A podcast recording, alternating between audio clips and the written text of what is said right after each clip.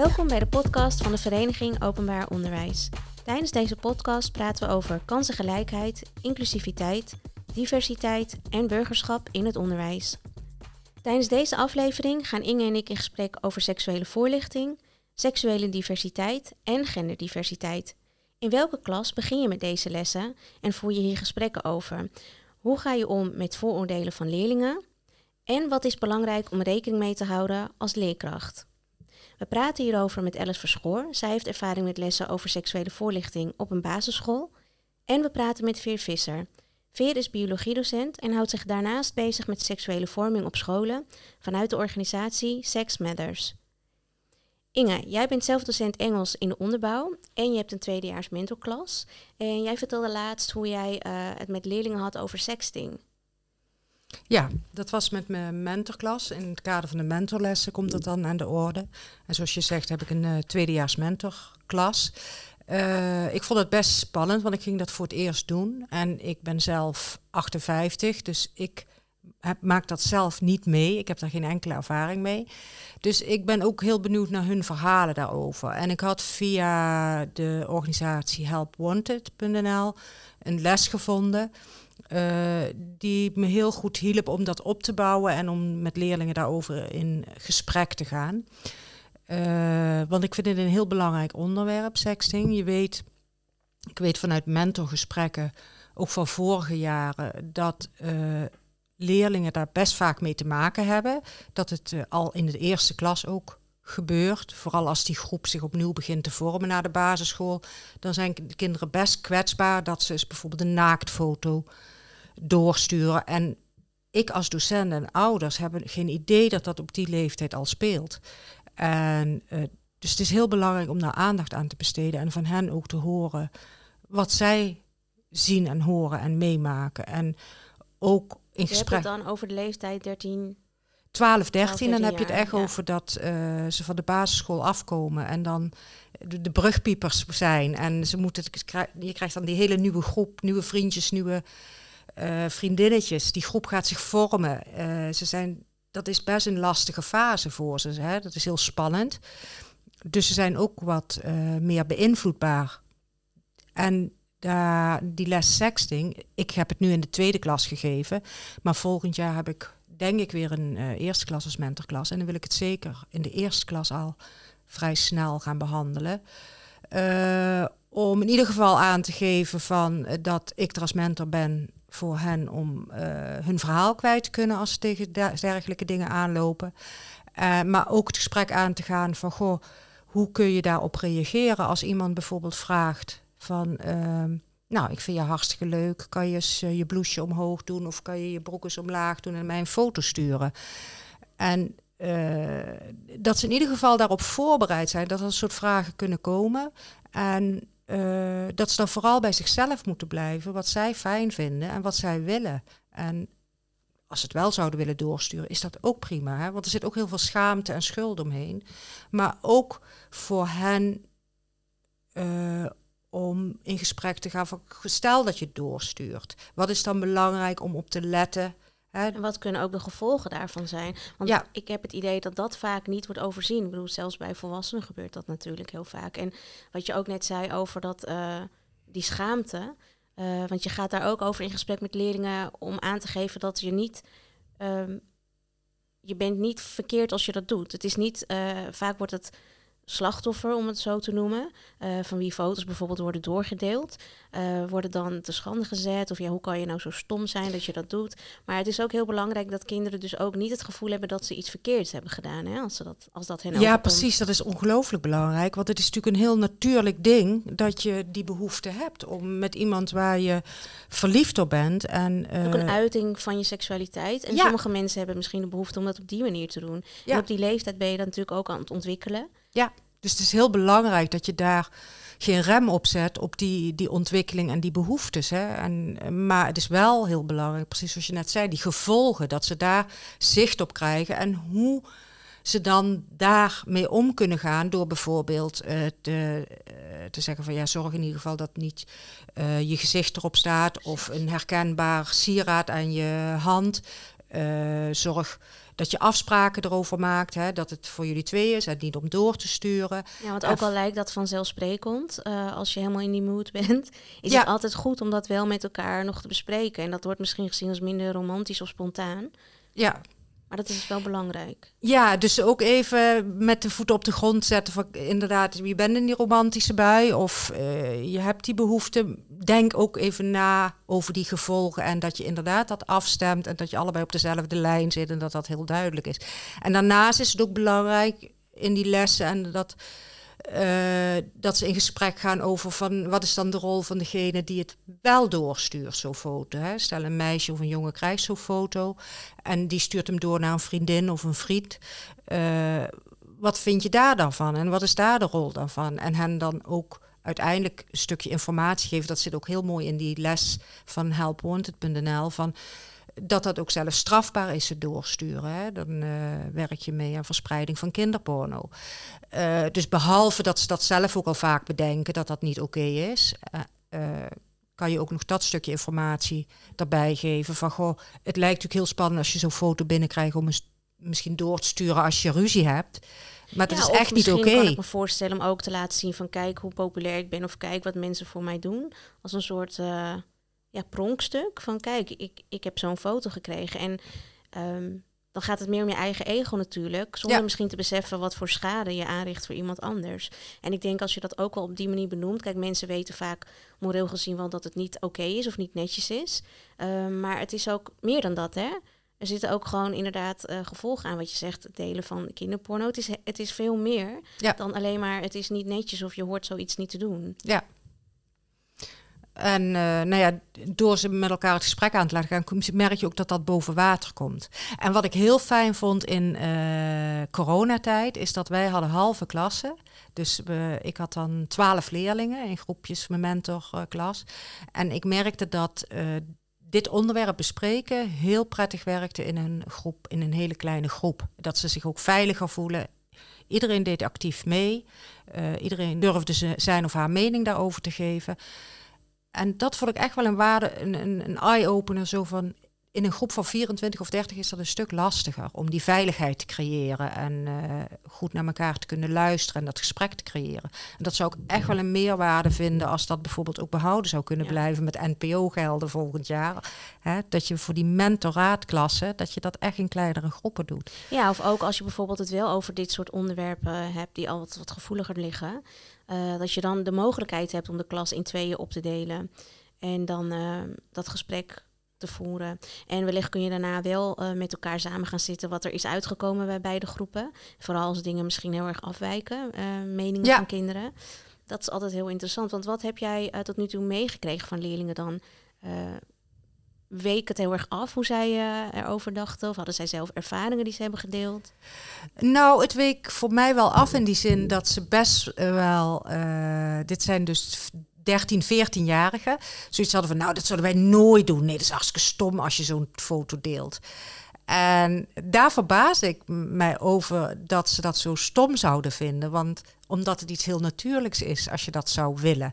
En dat je eigen lichaam ja, dat is natuurlijk iets heel moois. Heb je daarover gesproken met die kinderen toen ze ook zeiden dat is heel stom als je dat doet? Um, gevraagd waarom zij dat bijvoorbeeld stom vinden?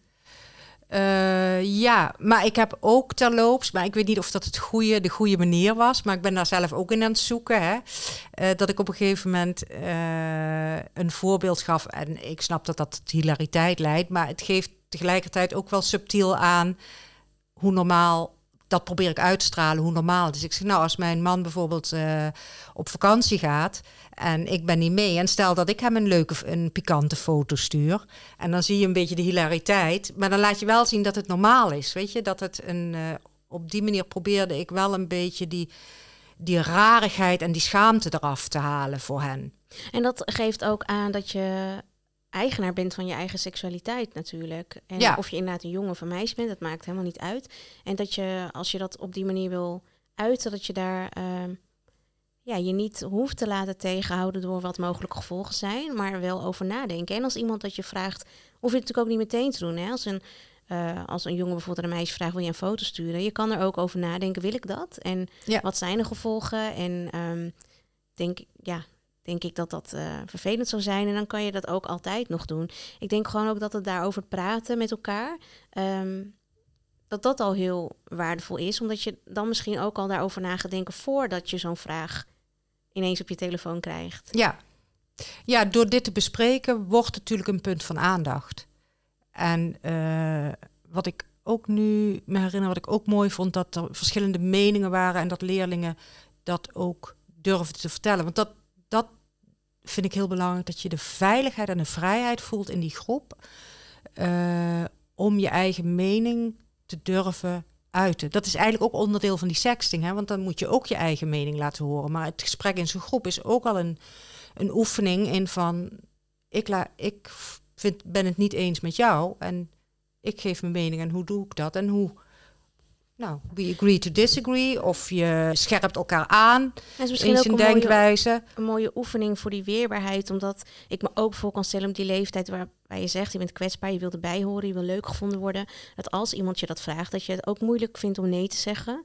Omdat je dan bang bent dat dat weer gevolgen heeft. Dat Ja. iemand misschien dat gaat zeggen, oh, diegene is misschien preus of die durft dit niet. Of iemand vindt je niet meer leuk. Misschien vind jij diegene wel heel leuk. Dus ik denk dat dat daarbij ook al kan helpen als je al hardop in de klas uit kan spreken dat je dat niet oké vindt of dat je dat niet zou willen. Heel belangrijk, vooral bij die leeftijdsgroep. Van wat jij voelt is oké en Ja. hou je daaraan. En ook al wijkt dat af van een ander. En dan vinden we elkaar allemaal nog heel erg oké. en dan kunnen we met elkaar door een deur. Want daar komt, komt eigenlijk een beetje dat eh, consent ook bij kijken. Het is niet direct ehm, een fysieke seksuele handeling, maar het is wel iets wat ehm, ehm, met seksualiteit te maken heeft. En waarbij je allebei prettig moet voelen. En ook elkaars grenzen moet respecteren. Of je nou nee zegt, ik wil de foto niet sturen. Of dat je het hebt gestuurd en je denkt, eh, dit is alleen voor jou en ik wil niet dat je het deelt. Ja, heel goede oefening voor consent. Ja. Of niet alleen oefening, het is voor de sexting of het doorsturen van beelden, naakbeelden, is het zo, zo heel belangrijk om eh, ze te leren. En ik denk dat dat voor, ook voor volwassenen geldt. Om te leren communiceren tussen twee mensen of meer mensen in een seksuele verhouding van eh, in intimiteit. Wat vinden wij samen oké? Dus eh, wat wil jij, wat wil ik? En eh, dan kunnen we dat, vinden we elkaar daarin. Maar die communicatie daarover, die is natuurlijk best, wordt heel gek gevonden. Ja. En het is belangrijk dat, dat die gekkigheid daar afgaat. Denk wel, als je dat op scholen al bespreekbaar maakt zo jong, dan wordt dat ook, hoop je, een soort van gewoonte. Hè? Dat dat op een gegeven moment wel normaal is. En dat dat niet afdoet aan een bepaalde sfeer of romantiek.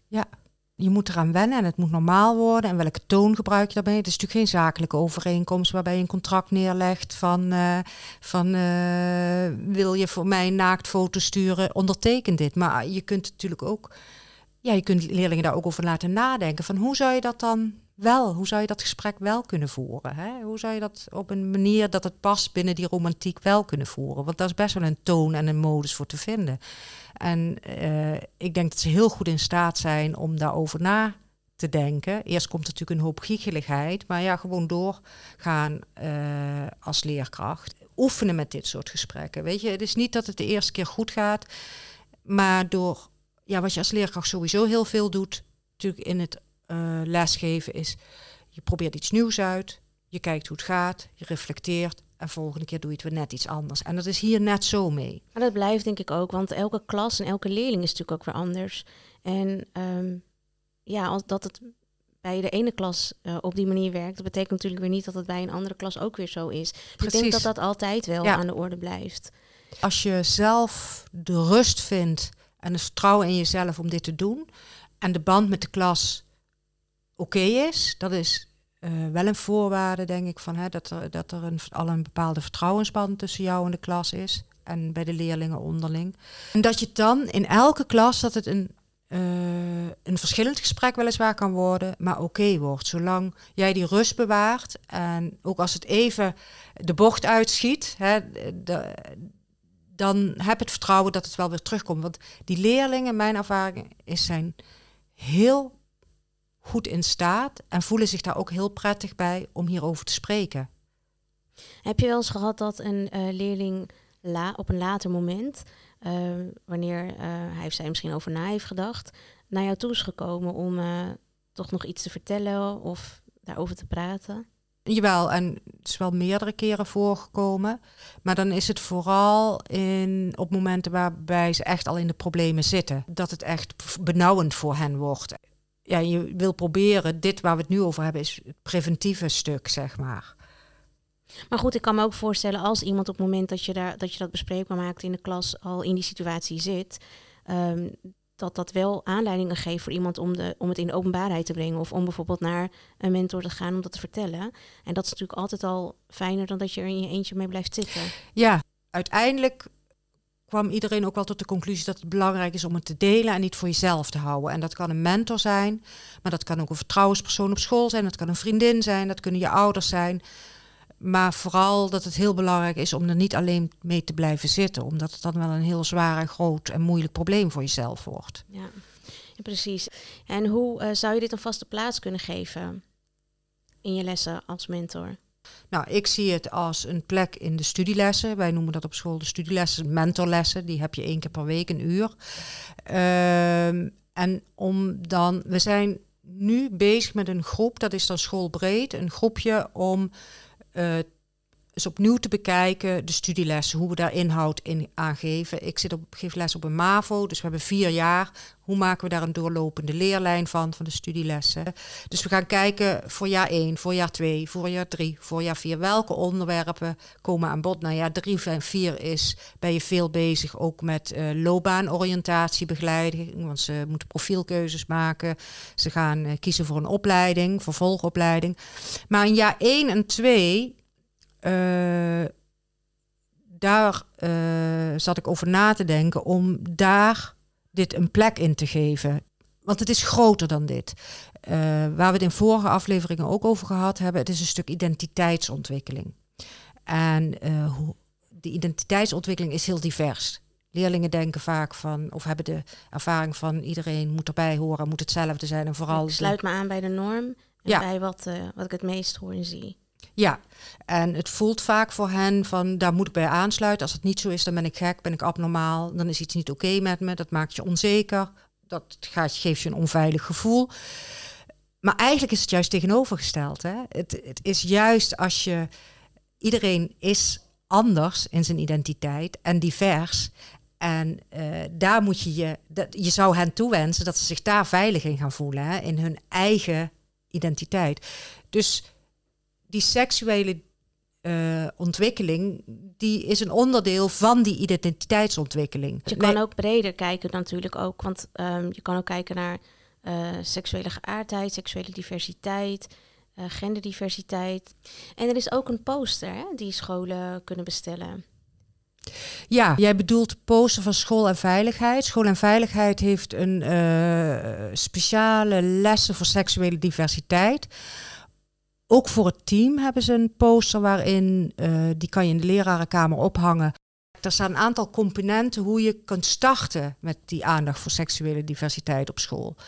Uh, en door die poster op te hangen blijft het ook onder je aandacht. Daarnaast hebben ze ook een poster, die heb ik besteld, maar ik heb hem nog niet. En daar staat op iets van, wij gebruiken het woord homo niet meer in de klas. En uh, die, die vind ik ook heel mooi om daar aandacht voor te vragen. Ja, zoals we net al aangaven, gaan we ook later nog in gesprek met Veer Visser uh, namens organisatie Sex Matters over um, hoe je uh, lessen en gesprekken aan kunt gaan met leerlingen over uh, genderdiversiteit en seksuele diversiteit.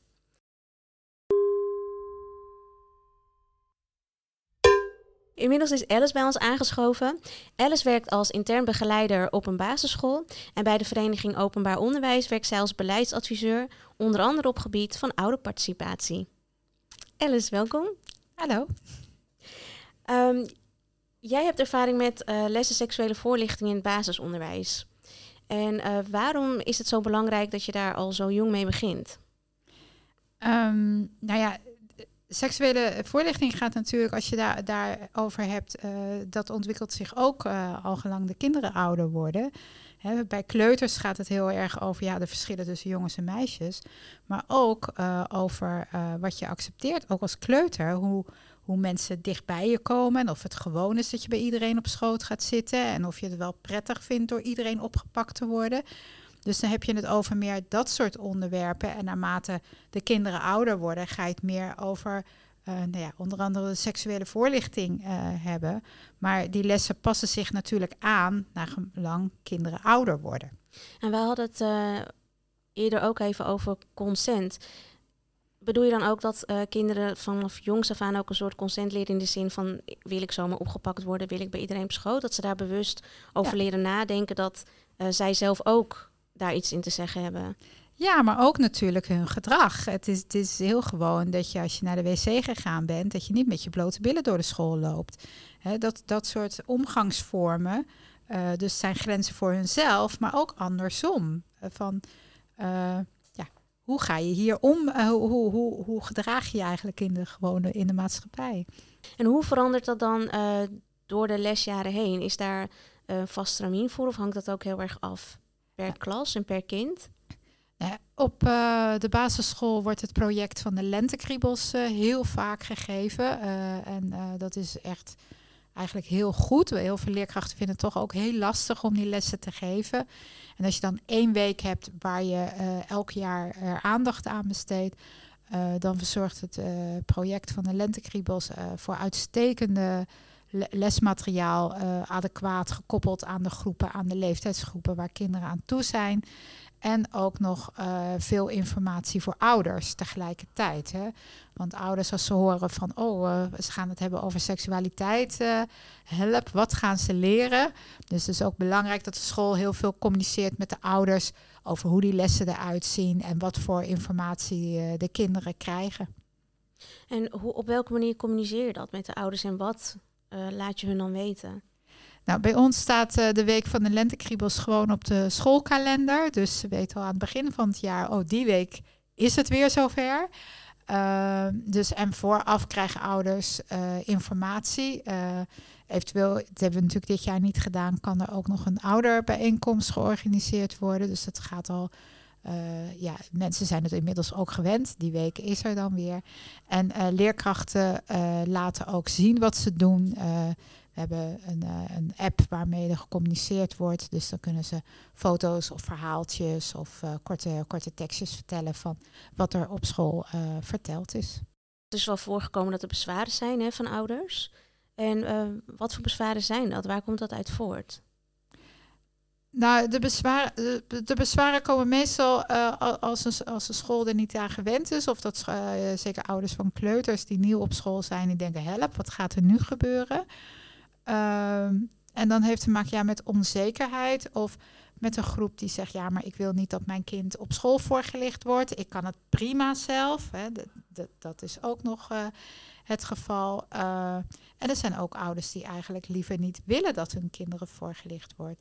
En daarover, ja, daar kan je ook als leerkracht, en dat doen wij ook wel, gewoon in gesprek gaan om goed te vertellen wat we vertellen en waarom we het vertellen. Want uh, dat weet ik ook wel van mijn werk op andere scholen, uh, dat het ook wel heel dramatisch kan zijn als kinderen echt helemaal niks weten. En hoe bereid je um, docenten of leerkrachten daarop voor, dat, om, die voor, om dat gesprek met ouders aan te gaan daarover? Nou, ik, ik heb de eerste keer toen ik uh, ja, vroeger de, uh, directeur was, toen begonnen we voor het eerst met de, met de. En toen zeiden de leerkrachten, we willen niet, we vinden het hartstikke eng. Uh, toen hebben we een studiemiddag gehad door iemand van de GGD. Die heeft dat helemaal toegelicht en die heeft dat uitgelegd. En die kon ook goed verhalen vertellen van andere scholen. Uh, ik moet zeggen, nou, toen, toen hebben alle leerkrachten het gedaan en ze waren na twee dagen echt super enthousiast. Want je krijgt natuurlijk hele mooie gesprekken met kinderen. Uh, een leuke manier is altijd om zo'n les te beginnen. En wat weten jullie al? Of schrijf alle woorden op die je denkt dat er met seksualiteit te maken heeft. Uh, de, dus het is wel een drempel waar mensen overheen moeten. Maar uh, ja, er is zo goed lesmateriaal en zulke uh, uh, goede, goede ideeën, waardoor je het gesprek erover vrij uh, ja, makkelijk kan voeren eigenlijk. Nou ja, mooi dat het op die manier gaat. Dat je op die manier docenten of leerkrachten meeneemt in het proces van dat het best wel eng is. En op die manier samen gaat proberen en er uiteindelijk enthousiast over bent. Ja, en het, het grappige is van uh, pas geleden heb ik het ook nog op een school meegemaakt waar het nooit en waar nooit over seksualiteit was uh, gesproken. En dat kinderen vreselijk nieuwsgierig zijn. En heel graag met iemand erover willen praten. En vooral als het gesprek, als je er bij je ouders niet over terecht kan, omdat dat lastig is, dan is het gewoon heel fijn als iemand een keer met kinderen gewoon een vraag stelt. Uh, en, uh, en ja, dat, dat is als leerkracht ook leuk. Dat je, dat je toch merkt van, oh, het is wel heel bijzonder eigenlijk. En ook wel de eh, je realiseert dat als kinderen het niet aan jou vragen, ze toch op zoek gaan naar de informatie. En dan laten ze zich voorlichten door vriendjes of vriendinnetjes. En dan krijgen ze niet de goede informatie. Of ze gaan op zoek op internet hè, en komen op. Uh, uh, sites waar je ook niet van wil als ouder dat kinderen naar kijken of goed begrijpen. Dus kinderen zijn heel erg nieuwsgierig. En ik denk dat het belangrijk is dat ze bij iemand terecht kunnen met hun vragen daarover. Een uh, mooi voorbeeld, uh, er was een keer gescholden tijdens, tijdens buitenspelen met homo. En nou ja, groep met kinderen, groep 8, daarover gehad. En toen bleek de helft niet te begrijpen, nog ineens te weten wat het nou werkelijk betekende. En uh, na de les kwam een jongetje naar mij toe en die, die vroeg echt heel serieus, oprecht. Ja, maar juf, als je dan als jonge homo bent, uh, word je dan ook zwanger als je seks hebt gehad?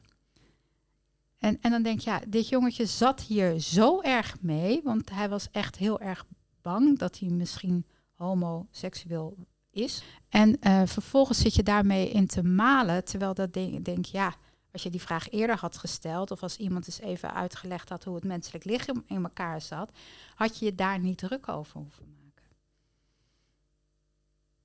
Denk je ook dat in het algemeen uh, volwassenen, of je ouder bent of leerkracht, uh, dat mensen onderschatten hoeveel kinderen al met seksualiteit bezig zijn? heel vaak uh, merk ik dat mensen denken, ja, dat is pas iets voor als je een tiener bent of als je tegen de 18 bent.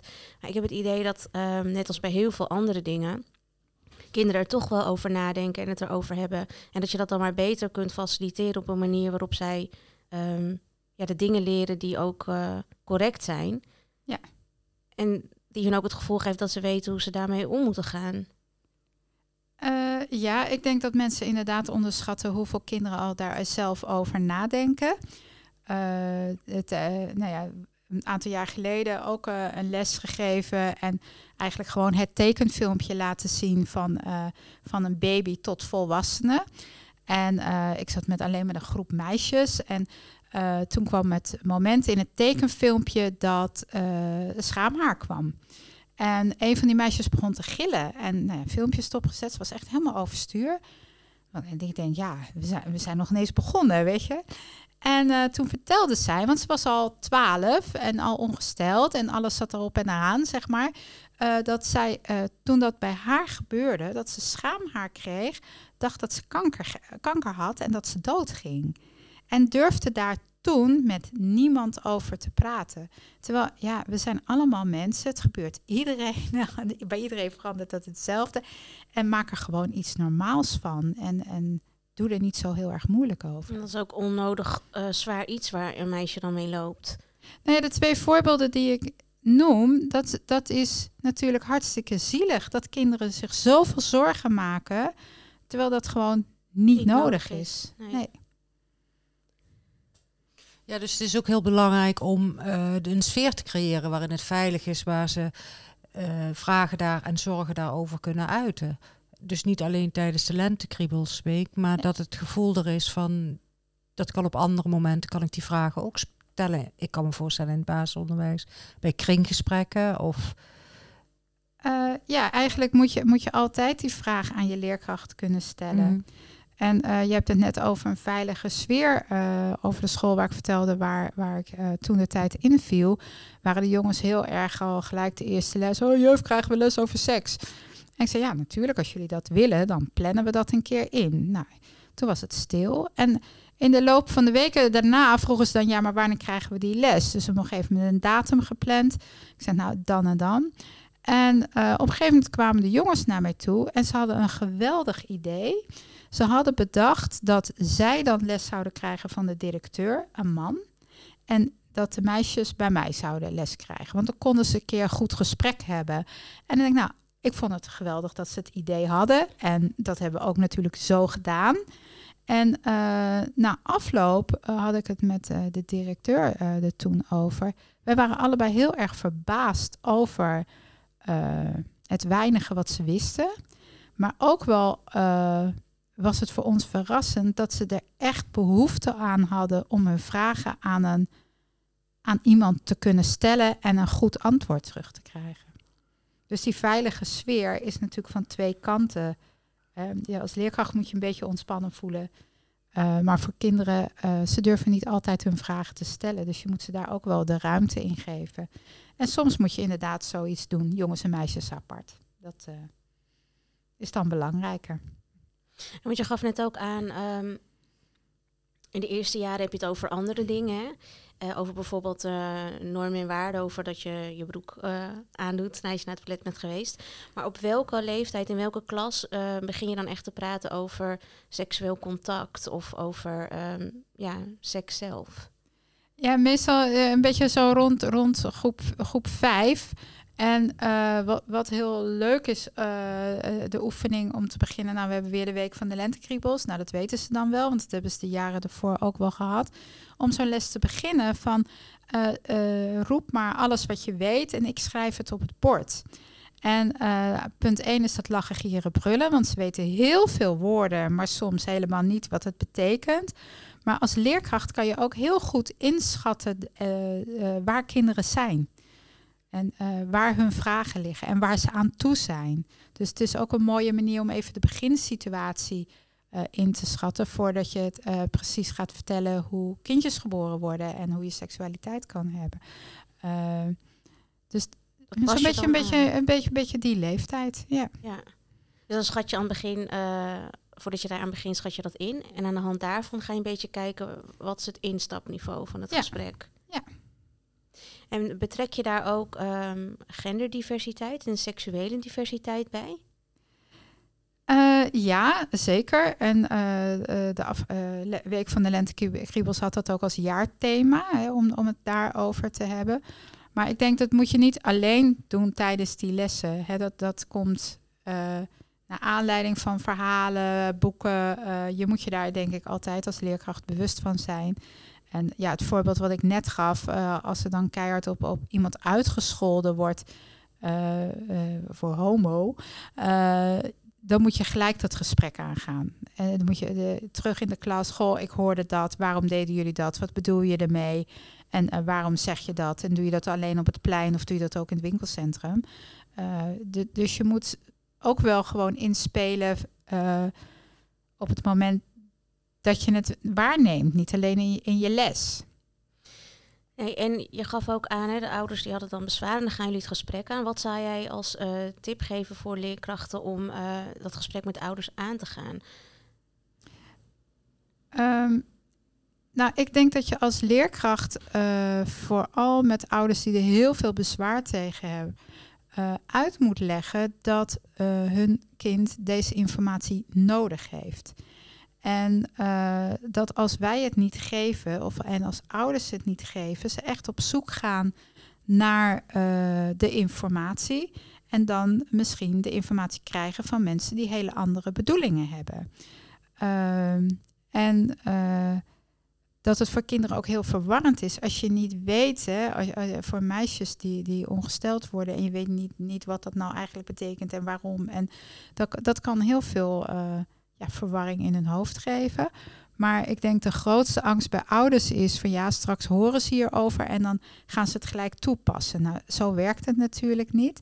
Maar uh, de ouders ook bewust laten worden dat uh, krijgen ze geen goede voorlichting of hebben ze geen goede bronnen waar ze hun informatie uit kunnen halen, ze toch op zoek gaan naar antwoorden en dan uh, misschien bij mensen komen die, of jongens of, of vrienden die hele andere bedoelingen hebben. Of ook hun informatie van eh, YouTube-filmpjes of social media hebben gehaald waarvan we denken van, nou ja, dit, dit is nou ook niet wat je wil voor je kind. Dus ik denk dat je daar over, over die insteek goed uh, met ouders in gesprek kunt gaan. Ja, want je beschermt ze dus eigenlijk meer door het er wel over te hebben dan dat je ze uh, er niet bij betrekt. Ja, daar, daar ben ik echt van overtuigd. Zeker met uh, social media. Uh, veel kinderen die toch, toch vrij snel met foto's naar een vriendje sturen waar ze later ontzettend veel spijt van hebben. maar ook kinderen inderdaad die misschien beïnvloed worden door Um, mensen die foto's posten op social media. Veel kinderen hebben een mobiele telefoon. Ja. En we hadden het eerder ook over uh, sexting. Hè? En dan met kinderen op de middelbare school om daarover te hebben. In hoeverre heb jij de ervaring dat dat van toepassing is uh, op de basisschool?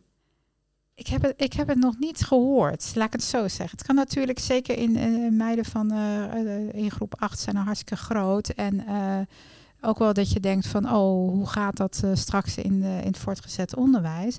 Maar zeker in, in, in de bovenbouw moet je het daarover hebben. dat als iemand vraagt om die foto's, wat er kan gebeuren, nou, dan heb je het ook nog over mediawijsheid. Maar je moet dat gesprek met ze aangaan. Inge gaf ook aan hè, over dat sexting, dat je natuurlijk als je net nieuw bent op de middelbare school, nieuwe school, nieuwe omgeving, uh, je bent aan het puberen, je wilde graag bijhoren uh, en, en, gezien worden. Uh, dus dat het dan ook juist belangrijk is dat je je grenzen leert bewaken en ook een stukje consent. maar in groep 8 is natuurlijk het laatste jaar voordat je dan die nieuwe omgeving ingaat. Denk je dat het dan belangrijk is om daar vast al voorbereidende lessen te hebben met kinderen over grenzen? En dingen die mogelijk op ze af kunnen komen. Nou, het voorbeeld wat ik net gaf over die kleuters, dat gaat ook over grenzen. Hè? Dit doe je wel en dit doe je niet. En, uh, en andere mensen moeten zich ook aan jouw grens uh, houden. Hè? Je vindt het niet fijn om door iedereen opgepakt te worden en op schoot gezet te worden. En niet iedereen mag met jou een knuffel geven. En het is ook niet de bedoeling dat jij iedereen een kusje gaat geven elke ochtend. Dus het omleren gaan met grenzen en weten, maar dit, vind, dit is wel oké of dit is niet oké of dit vind ik niet oké. want dat, dat is natuurlijk later als je groot bent, dan is alles jouw keus. Maar je, je moet het signaal dat je jouw eigen grens overgaat, uh, ja, dat moet je al vanaf jonge leeftijd ontwikkelen. Dat is niet een voorlichtingslesje in groep 8 dus, dus dat begin je al een veel ja, bij de kleuters mee. Uh, om het over het, het onderwerp, dit is mijn grens. En, en hier stap ik wel over, of hier stap ik een keer bewust over. maar je, je, die grens moet je, wel, moet je al op jonge leeftijd leren. Ja, dus je kan daar inderdaad niet jong genoeg mee beginnen. Heb jij ook ervaring in het basisonderwijs, uh, ik vermoed in de bovenbouw, uh, met het kijken van porno uh, door leerlingen? En wat zijn je ervaringen daarmee? Nou, ik, mijn ervaring is altijd dat ouders denken dat ze het ergens dat ze het niet doen, dat ze het vooral niet kijken. Nou, ik kan je zeggen, zodra ze het weten, dan kijken hele schoolklassen bij jou op de bank. Um, en, en ze krijgen daar, ja, dan weten ze hoe porno eruit ziet. Mhm. Maar het is juist vooral dan belangrijk om te zeggen: ja, weet je, uh, dat is geen seks of dat is niet jouw seksualiteit. En uh, al die mensen zien er in pornofilms fantastisch uit. Hè? Lange piemels, grote borsten. Dat is niet de realiteit. Uh, hè? Dat je niet onzeker bent van, oh, ik zie er zo niet uit. Maar die manier van seks, dat is niet hoe heel veel mensen seks hebben. Het is waar mensen naar kijken. En dat is net als een speelfilm wat leuker gemaakt. Maar uh, ja, wees je ontzettend bewust van dat kinderen uh, in deze tijd met uh, social media en, en met heel op vrij jonge leeftijd met porno in aanraking komen en dat zien. En je wil niet dat ze denken van, oh maar als we het over seks hebben, is het dat. Want kijken doen ze echt. Dat, daar hoef je niet over te twijfelen. Maar vertellen uh, kinderen dat ook eens? Heb je dat eens meegemaakt? Dat kinderen hun verhaal daarover delen? Over wat ze kijken als ze zeggen wat ze wel en niet kennen bijvoorbeeld?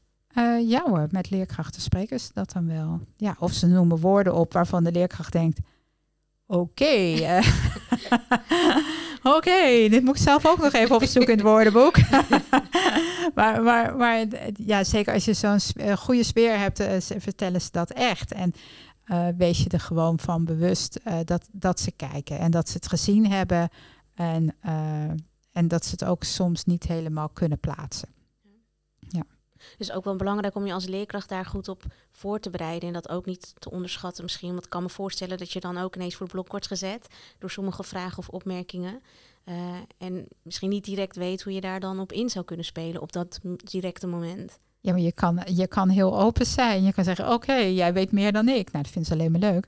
Vertel, weet je. Dat, dat uh, is ook heel goed om te realiseren voor kinderen... dat uh, niet iedereen porno kijkt. En sommige mensen wel en sommige mensen niet. Hè, dat daar een verschil in is. Uh, en, en, dat je een leerkracht hebt die er echt nooit naar gekeken heeft. Dat kan ook.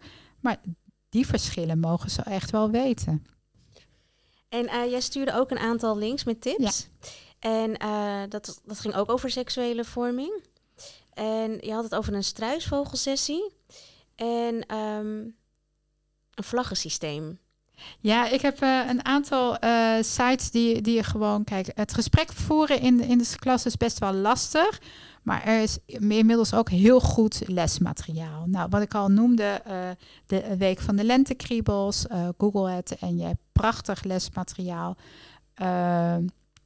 ook van seksuelevorming.nl. Weet je, er staat zoveel online wat je kan gebruiken als je het gesprek erover aan wil gaan. De struisvogelsessie is van school en veiligheid. Uh, een mooie tool om met kinderen met, met lastige vragen uh, te bespreken. Hè, van, over genderdiversiteit. Ja, we hebben ook groepen in de samenleving die daar hele radicale ideeën over hebben van dat het niet mag of dat het niet kan. He, daar kan je als leerkracht heel erg van schrikken en, en, en heel erg denken, oh, wat moet ik hiermee? Maar uh, de struisvogelsessie is, is een leuke, leuke les waardoor je juist leert uh, uh, luisteren naar elkaar en, en dat alle argumenten benoemd mogen worden. En dat is een mooie tool. En het vlaggensysteem is eigenlijk ook een, een lesmethode waar kinderen door een plaatje zien van een situatie en kunnen gaan bedenken, ja, is dit wel normaal? Hè? Een, een, een bloot kindje, ja, als je onder de douche zit, is dat heel normaal dat je bloot bent. En als je aan het verkleden bent, is dat ook heel normaal. Maar het is natuurlijk wat anders dan dat je bloot in het winkelcentrum zit. Dus dat soort discussies, en dan hebben ze met vlaggetjes, kan je aangeven van dit kan wel in deze situatie en dit kan niet. Dus het zijn hele leuke sites voor als je graag een keer les wil geven of als je denkt, oh, waar kan ik lesmateriaal vinden? Er is werkelijk echt meer dan genoeg lesmateriaal beschikbaar. Oké, okay, nou dankjewel. al deze tips zetten we ook op onze website, dus die kun je hier allemaal terugvinden. Dankjewel Alice. Graag gedaan.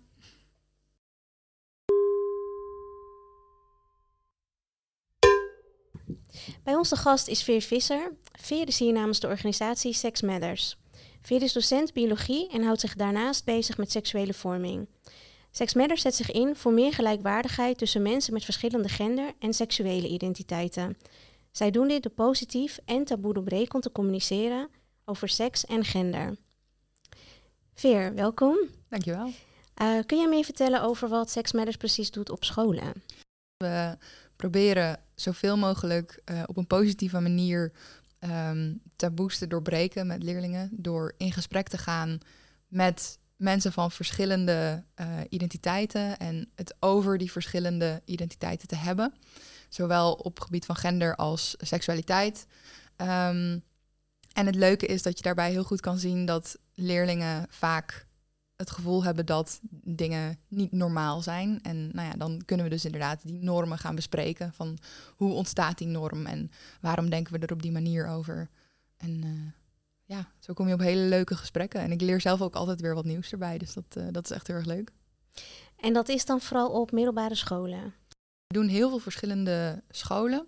Uh, we gaan sinds vorig jaar zelfs ook naar basisscholen. groep 7 en 8 doen we nu ook. Um, middelbare scholen doen we ook veel. En um, ja, eigenlijk met, praten we met mensen van alle leeftijden. tussen de tien en, uh, nou ja, wanneer mensen nog naar mbo's gaan. Want je vertelde net al even hè, ehm, dat je dan inderdaad gaat praten met leerlingen over wat normaal is. En dat je dan ook tot de conclusie komt dat niets normaal is of dat het anders zijn juist normaal is.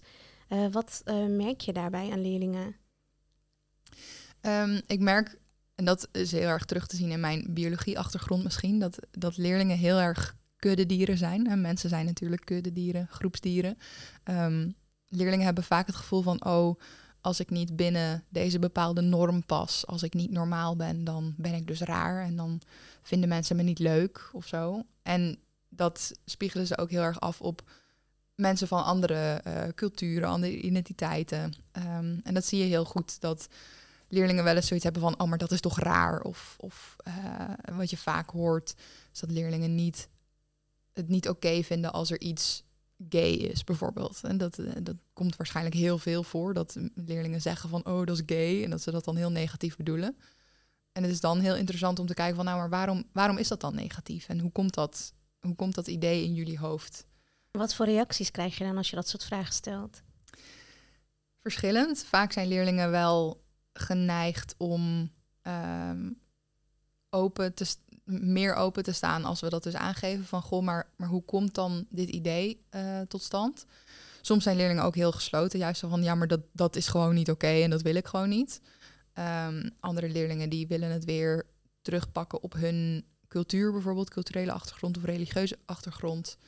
Um, en soms dan zijn leerlingen ook uh, dat, ze, dat ze niet genoeg zelfreflectie hebben, omdat ze gewoon nog niet oud genoeg zijn, bijvoorbeeld. En die praten gewoon eigenlijk hun ouders na. Uh, of om, omgeving, uh, oudere broers, zussen, dat soort dingen. Dat zie je ook veel. Hoe ga je dat uh, gesprek aan met leerlingen? Als je, dan zijn die verschillende, verschillende in een groep.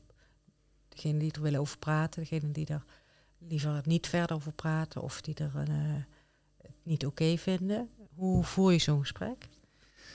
We geven altijd de optie dat leerlingen uh, mogen delen wat ze willen delen. En dat ze niet hoeven te zeggen. Uh, dat, ze, dat ze niet iets hoeven te zeggen als ze het niet willen zeggen. En de grenzen daarin aangeven is heel belangrijk ook. Uh, nou, dat is ook een van onze onderdelen, consent. Um, en als een leerling dus niet mee wil praten, dan praten ze niet mee en dan zitten ze erbij. En dan vaak luisteren ze passief. En dat is ook oké, dan leren ze toch al wel nieuwe dingen.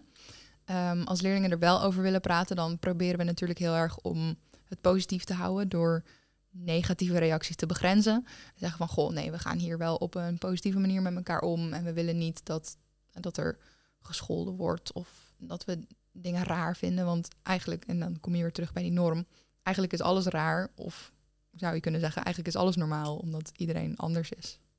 Dus we proberen het heel erg over die positieve boeg te gooien van positief communiceren. Ja. Dus je, je geeft goed kaders aan, ja. Uh, zeg maar, ja. om het ook veilig te maken en uh, het gesprek constructief te houden. Ja, we ja. beginnen ook altijd de workshops met een um, stukje over sociale veiligheid. Dus we, he, we hebben in de workshop elkaar nodig, want we zijn hier niet om een uh, hoorcollege te geven. We zijn hier echt om een gesprek aan te gaan met leerlingen. En uh, we willen daarin ook de leerlingen horen. We zijn er ook nooit, we zeggen we zijn er niet om onze mening aan jullie op te leggen. Het is juist leuk om over de verschillende meningen te praten. Maar dat kunnen we alleen maar doen als we respect voor elkaar hebben en voor elkaars meningen.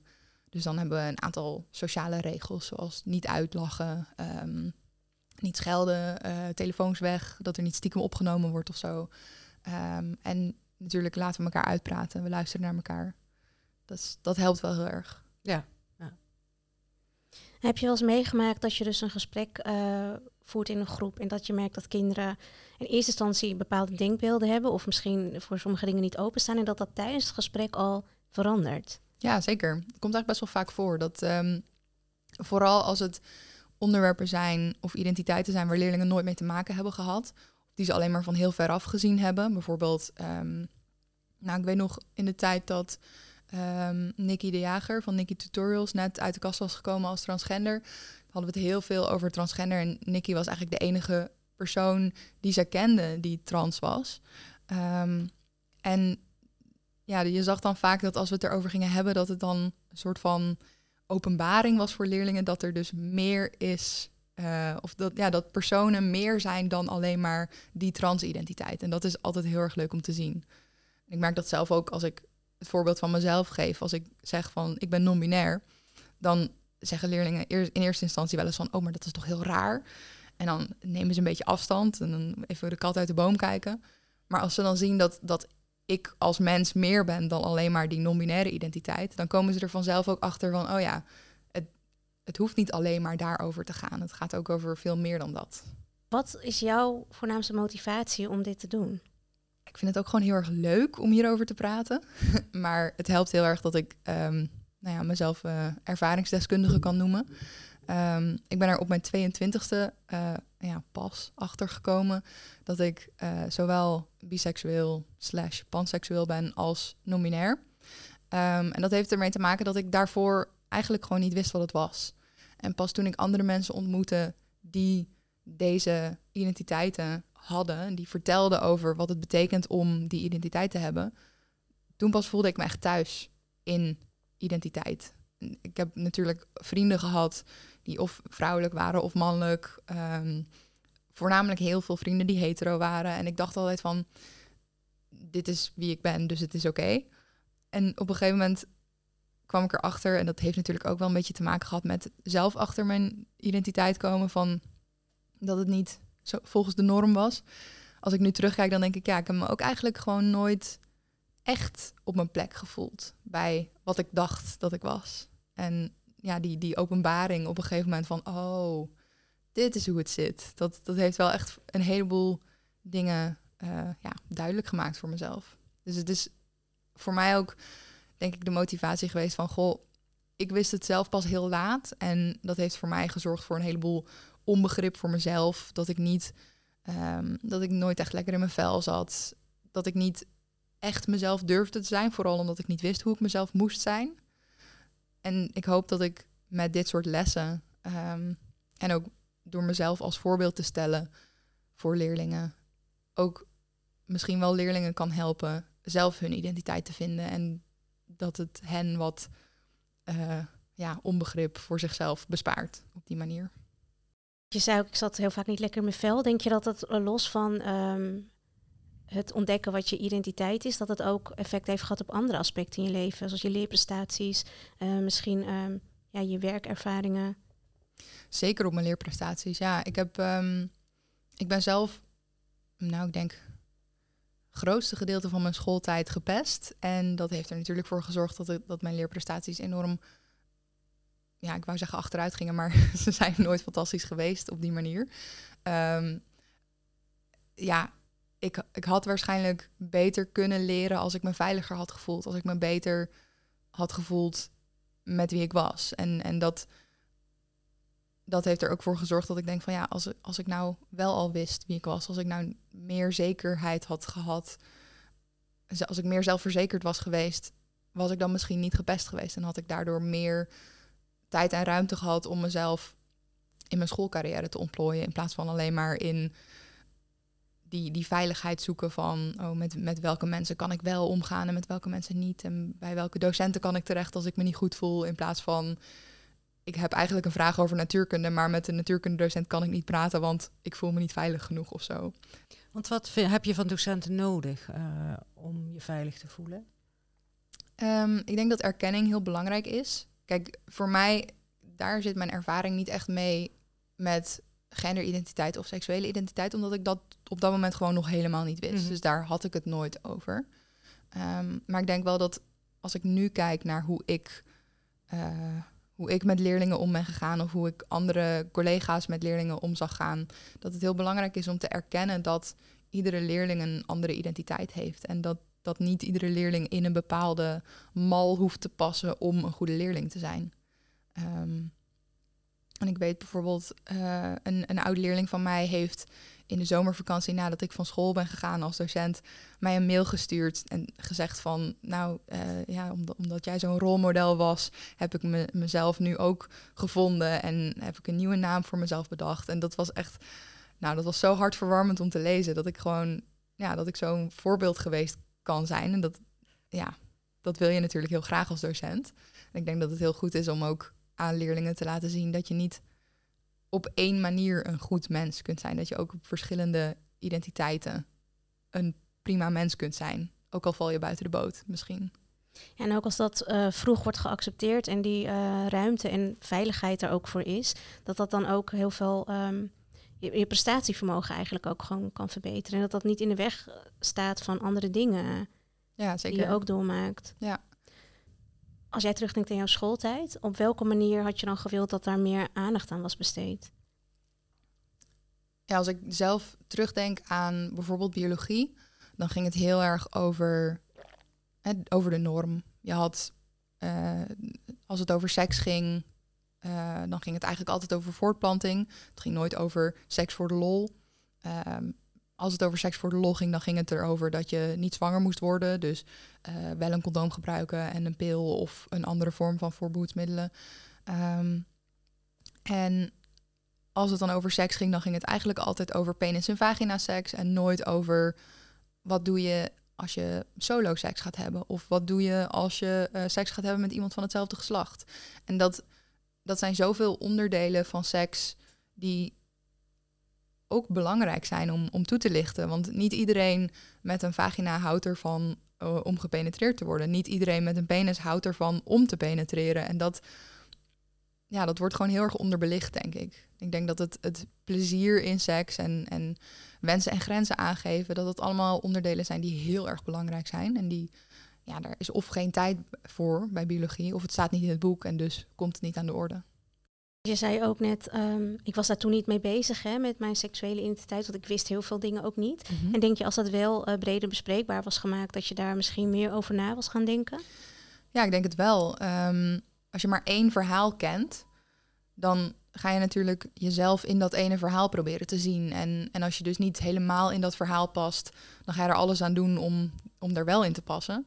Maar als je meerdere verhalen kent en meerdere opties dus ziet, dan kun je dus kijken van oké, okay, wat welk verhaal past het beste bij mij en waar, waar voel ik me het fijnste in? En dat, ik denk dat dat heel waardevol is om, om zoveel mogelijk verschillende verhalen te horen als leerling. En, en niet alleen over seksuele identiteit of genderidentiteit, maar ook cultureel en religieus en nou ja, alles. Het is heel intersectioneel als ik het zo bekijk.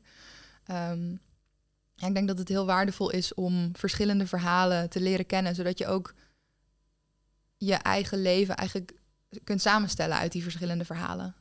Stel je bent een docent en uh, je bent helemaal niet daarmee bezig en je denkt er ook niet over na en je weet eigenlijk niet zo goed hoe je dat moet doen. Wat voor tips zou jij dan hebben? Um, mijn grootste tip is lees. Lees erover. Um, het internet staat vol met informatie. En als je een, een woord hoort van leerlingen, bijvoorbeeld, stel je hebt nog nooit nagedacht over voornaamwoorden en een leerling heeft het over voornaamwoorden, dan kun je die leerling vragen van, goh, leg eens uit. Waarom hebben jullie het erover? Waarom is dat belangrijk?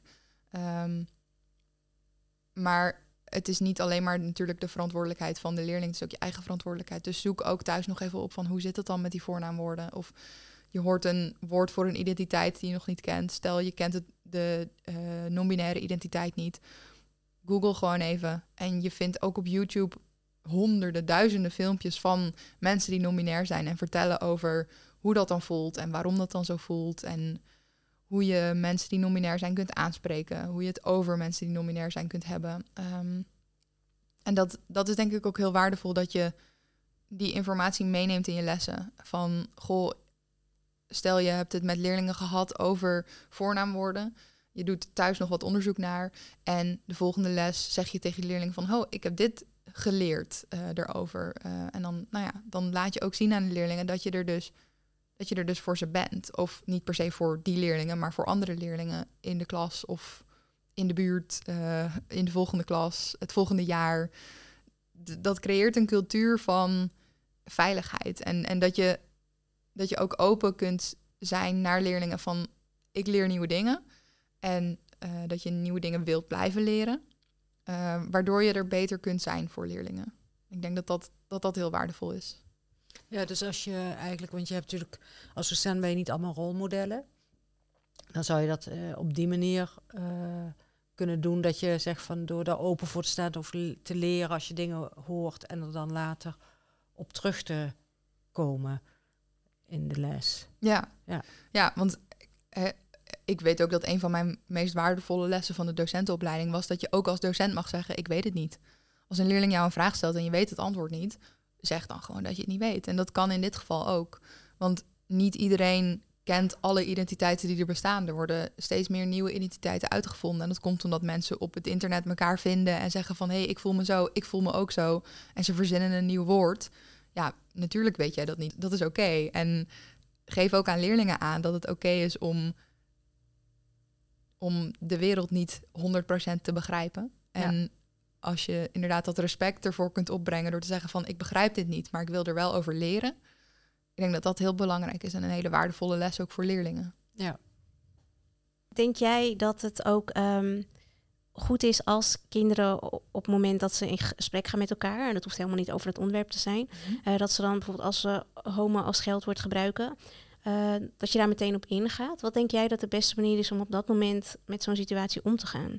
Zeker, ik denk dat begrenzen heel belangrijk is. Ehm, ik ben er al heel lang mee bezig, eigenlijk sinds ik eh biomedische wetenschappen ben gaan studeren, dat ik ehm, het niet oké vind als mensen met het woord kanker schelden bijvoorbeeld. Dus zo gauw ik dan dat hoorde, zei ik al van, hé, hey, dat is niet oké. Wat, wat doe je nou eigenlijk?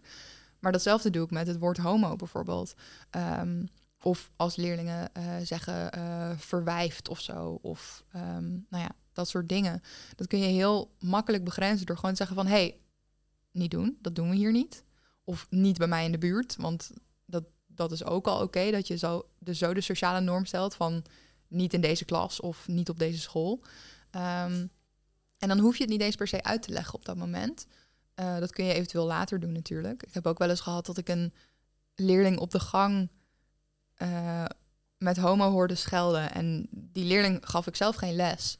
Uh, maar twee maanden later switchte ik van klas omdat ik stage liep. En toen zat hij wel bij mij in de klas. En toen zei ik nog, hey, weet je nog dat ik toen op de gang tegen jou zei dat, je het niet oké, dat ik het niet oké vond als je met homo schold. Nou, en toen ging ik dus uitleggen van, nou, dit, is, dit en dit is waarom. En toen was hij ook veel meer ontvankelijk eigenlijk voor mijn argumenten. In plaats van dat ik dat allemaal op dat ene moment in de gang deed. Terwijl hij eigenlijk met vrienden bezig was en naar de volgende les ging en dat soort dingen. Dus het, ik denk dat het ook oké okay is om misschien dat begrenzen eerst te doen en dan dat even te laten inwerken. En dan vervolgens te zeggen waarom op een ander moment. Daar hadden we een eerdere podcast ook over gehad, van ik daar zelf heel erg over nadenken ben. Want je hoort het heel veel, dat homo en gay en ja. als scheldterm. En uh, nou, het verbieden heeft niet zoveel zin, maar inderdaad dat begrenzen door gewoon bij jezelf te blijven. Ik vind dat niet oké, ik vind dat niet fijn. Uh, maar vervolgens had ik van de week, werd het ook gezegd door een, uh, een eerstklasleerling, oh die naam is gay. En, maar toen was er wel even ruimte en het was een kleine groep, want we werkten toen nog met halve klassen. Ja. En dat maakt ook uit, ja, zeker. vind ik. Heel erg voor dit soort onderwerpen. Dat, ik zou dat eigenlijk super graag behouden volgend jaar.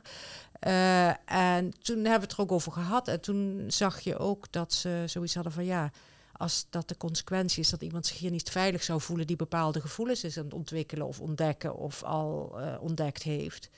Ja, toen hadden ze allemaal ook wel zoiets van ja, dat is, dat is dan ook niet zo oké. Okay, ja. Weet je? En dan is het wel heel mooi hoe ze zelf ontdekken van.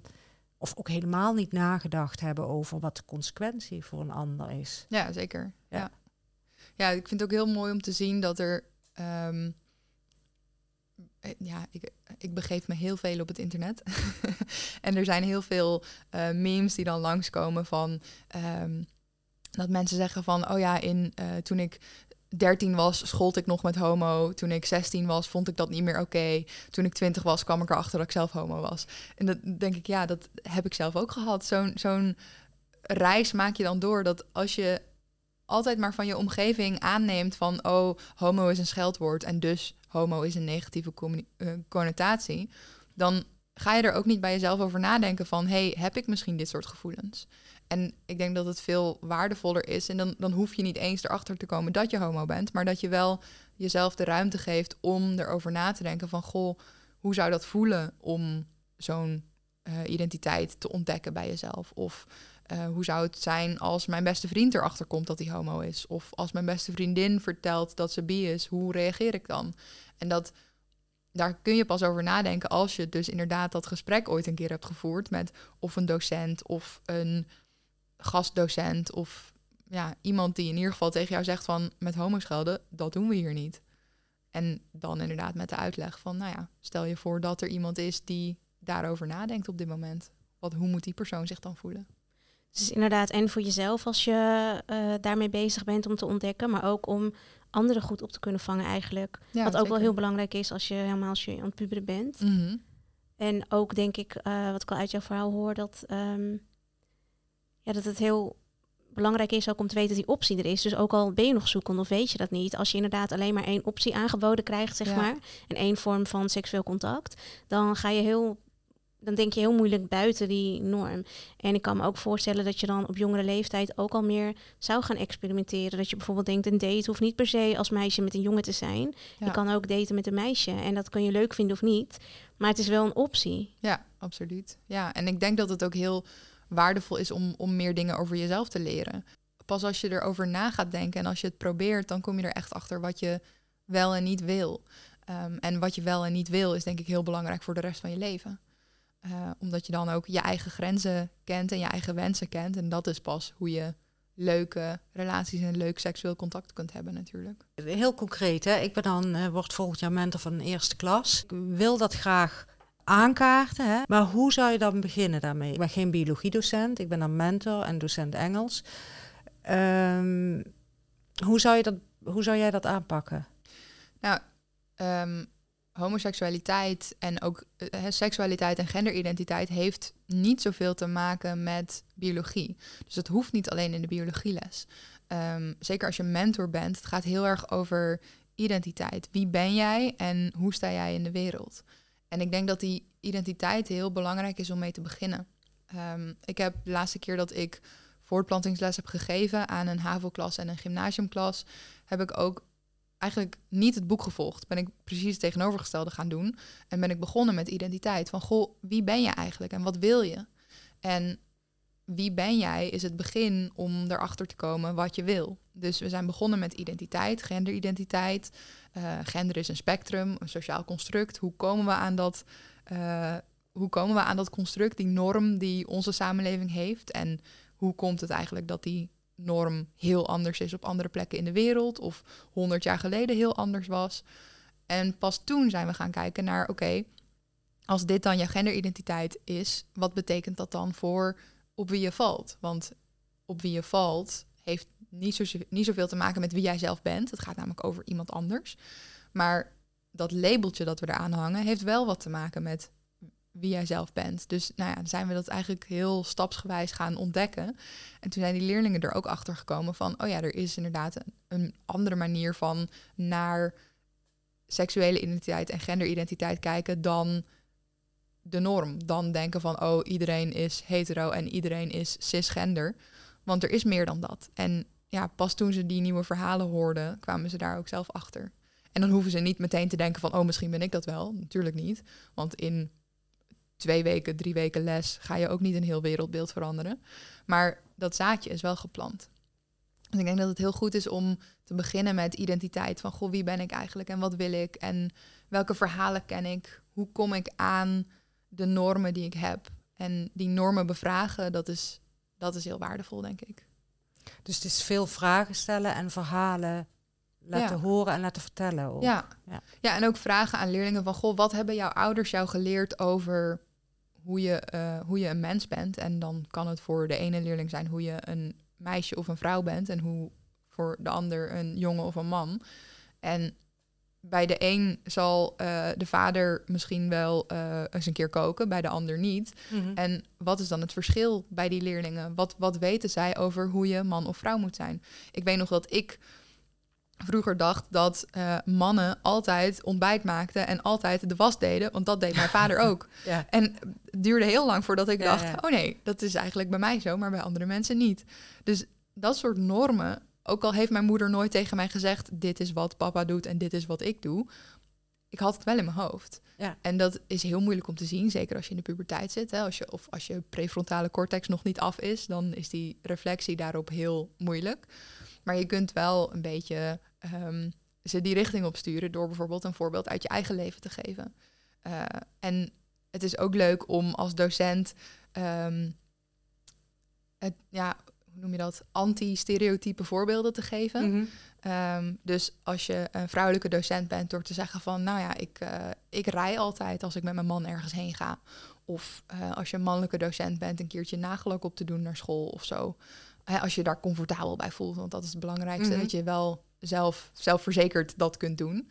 Ehm, maar ja, dat, dat zorgt ervoor dat, dat die normen ook bevraagbaar worden. Ja, Ja. en dat die kids aan het denken worden Ja. gezet, zeg maar. Ja, Oh, ja. Leuk. Dus dat zijn ook die kleine subtiele dingen die niet zozeer met de lesinhoud te maken hebben, maar die wel gewoon al heel veel verschil kunnen maken voor eh, het bevragen van iemands identiteit. Ja, zeker. En ik denk dat het ook wel goed is als eh, docenten met elkaar misschien ook, eh, los van dat je meteen begint bij de leerlingen, eh, dat je met elkaar ook misschien zo'n sessie hebt van, goh, we gaan het nu daarover hebben. Ik kan me voorstellen bijvoorbeeld bij jou op school, Inge, dat als je dat wil, maar je weet niet goed hoe, en je gaat dat zelf ook met eh, collega's bespreken, dat dat wat handvaten geeft. Of dat je dan misschien ehm, een situatie creëert waarin je denkt, oh ja, dit, Ja. dit kan gebeuren, of dit kan ik nou ja, ik denk inderdaad, nu jij dat zo zegt in een team. Je, je- we zitten nu natuurlijk het eind van het jaar. Maar over een, eh, een week of een maand of twee gaan we weer aan een nieuw jaar beginnen. Zijn we nu al volop mee bezig, voorbereidingen treffen. Dan is het natuurlijk een interessant onderwerp ook om te zeggen van, goh, hoe, want we praten wel als eerste klasmentoren van hoe beginnen we met zo'n groep. En dan gaat het vaak over eh, hoe moeten ze plannen en nou ja, over dat soort eh, zakelijke dingen die bij school horen. Maar het zou natuurlijk ook heel interessant zijn om dan te gaan praten over van, goh, om binnen het team eens ook eens te bevragen van hoe gaan we ervoor zorgen dat ze zich veilig voelen en hun identiteit, of, eh, specifiek de identiteit, hoe gaan we, hoe kunnen we daar een bijdrage aan leveren en wat voor werkvormen zouden we daar kunnen voor gebruiken of hebben we, nou ja, ik vind het wel interessant om daar samen het gesprek over aan te gaan. Ja, En nou ja, ik denk dat een eerste stap is ook om docenten of om jezelf als mentor bewust te maken dat dat iets is waar je invloed op kunt uitoefenen door dat gesprek aan te gaan. Ook wel denk ik belangrijk, net zoals jij net zei, Veer, ehm, eh, dat je zelf ook dingen uit je eigen leven betrekt. Ehm, in zoverre als je daar dan eh, gemakkelijk bij voelt. Dat je ook je eigen leven erbij betrekt. Want ik kan me ook niet voorstellen dat alle leerkrachten wel binnen die norm vallen. En Ja. dat je ook vaak merkt dat je als leerkracht je ook aanpast. Van oké, dit is acceptabel en dit niet. En ik wil niet te veel afwijken of uitwijken. En dat schrikt ook misschien kinderen af en, en collega's. Ehm, net als wij daarover hadden over feestdagen. Dat met kerst wel bijvoorbeeld leerkrachten de kerstlichtjes meenemen. Maar als het suikerfeest is, dan zijn er weinig leerkrachten die ja. dan daar iets mee doen. Want die laten hun identiteit ook thuis. Ja. Dus ik denk dat dat ook voor leerkrachten heel waardevol kan zijn. Om dus ook eh, zelf gewoon te zijn wie je bent. En dat ook mee te nemen naar leerlingen. Ja, zeker. Ja, en ik denk ook dat het heel goed is voor leerlingen om te zien dat je dat, dat docenten meer zijn dan alleen docent. Dat docenten ook mensen zijn. Ehm, dat, dat geeft ook meer voorbeeld en ook meer verhalen inderdaad, waar leerlingen ook zichzelf aan kunnen spiegelen. Ehm, bijvoorbeeld over religie, maar ook over kledingstijl. Ehm, nou, en je hebt natuurlijk wel te maken met een, een vorm van professionaliteit. Je kunt niet zomaar in een eh, heel kort rokje en een, eh, eh, een crop top of zo naar school komen als, als docent. Maar ik denk wel dat je kunt spelen met bijvoorbeeld kleuren van kleding die je aandoet of dat soort dingen. En, en dat je daarin ook kunt laten zien van ik ben ook een mens en ik ben niet alleen maar een, een robot of zo.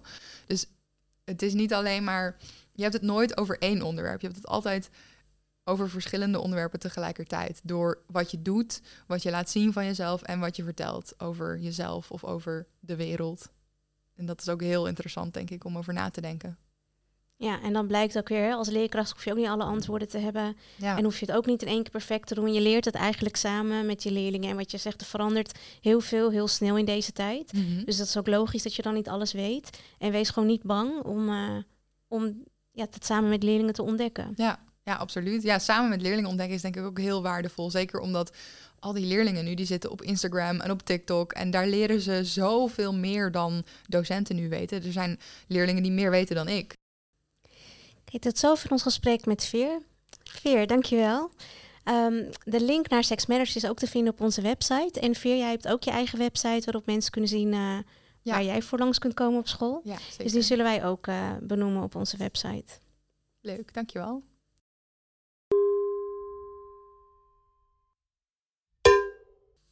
Alle tips en websites uit deze aflevering zijn te vinden op onze website www.voo.nl/podcast. Mocht je geïnspireerd zijn en zelf aan de slag willen gaan of andere tips willen delen, neem dan contact op via voo.voo.nl. En op openbaaronderwijs.nu staat allerlei lesmateriaal dat je direct kunt gebruiken. Tot de volgende keer!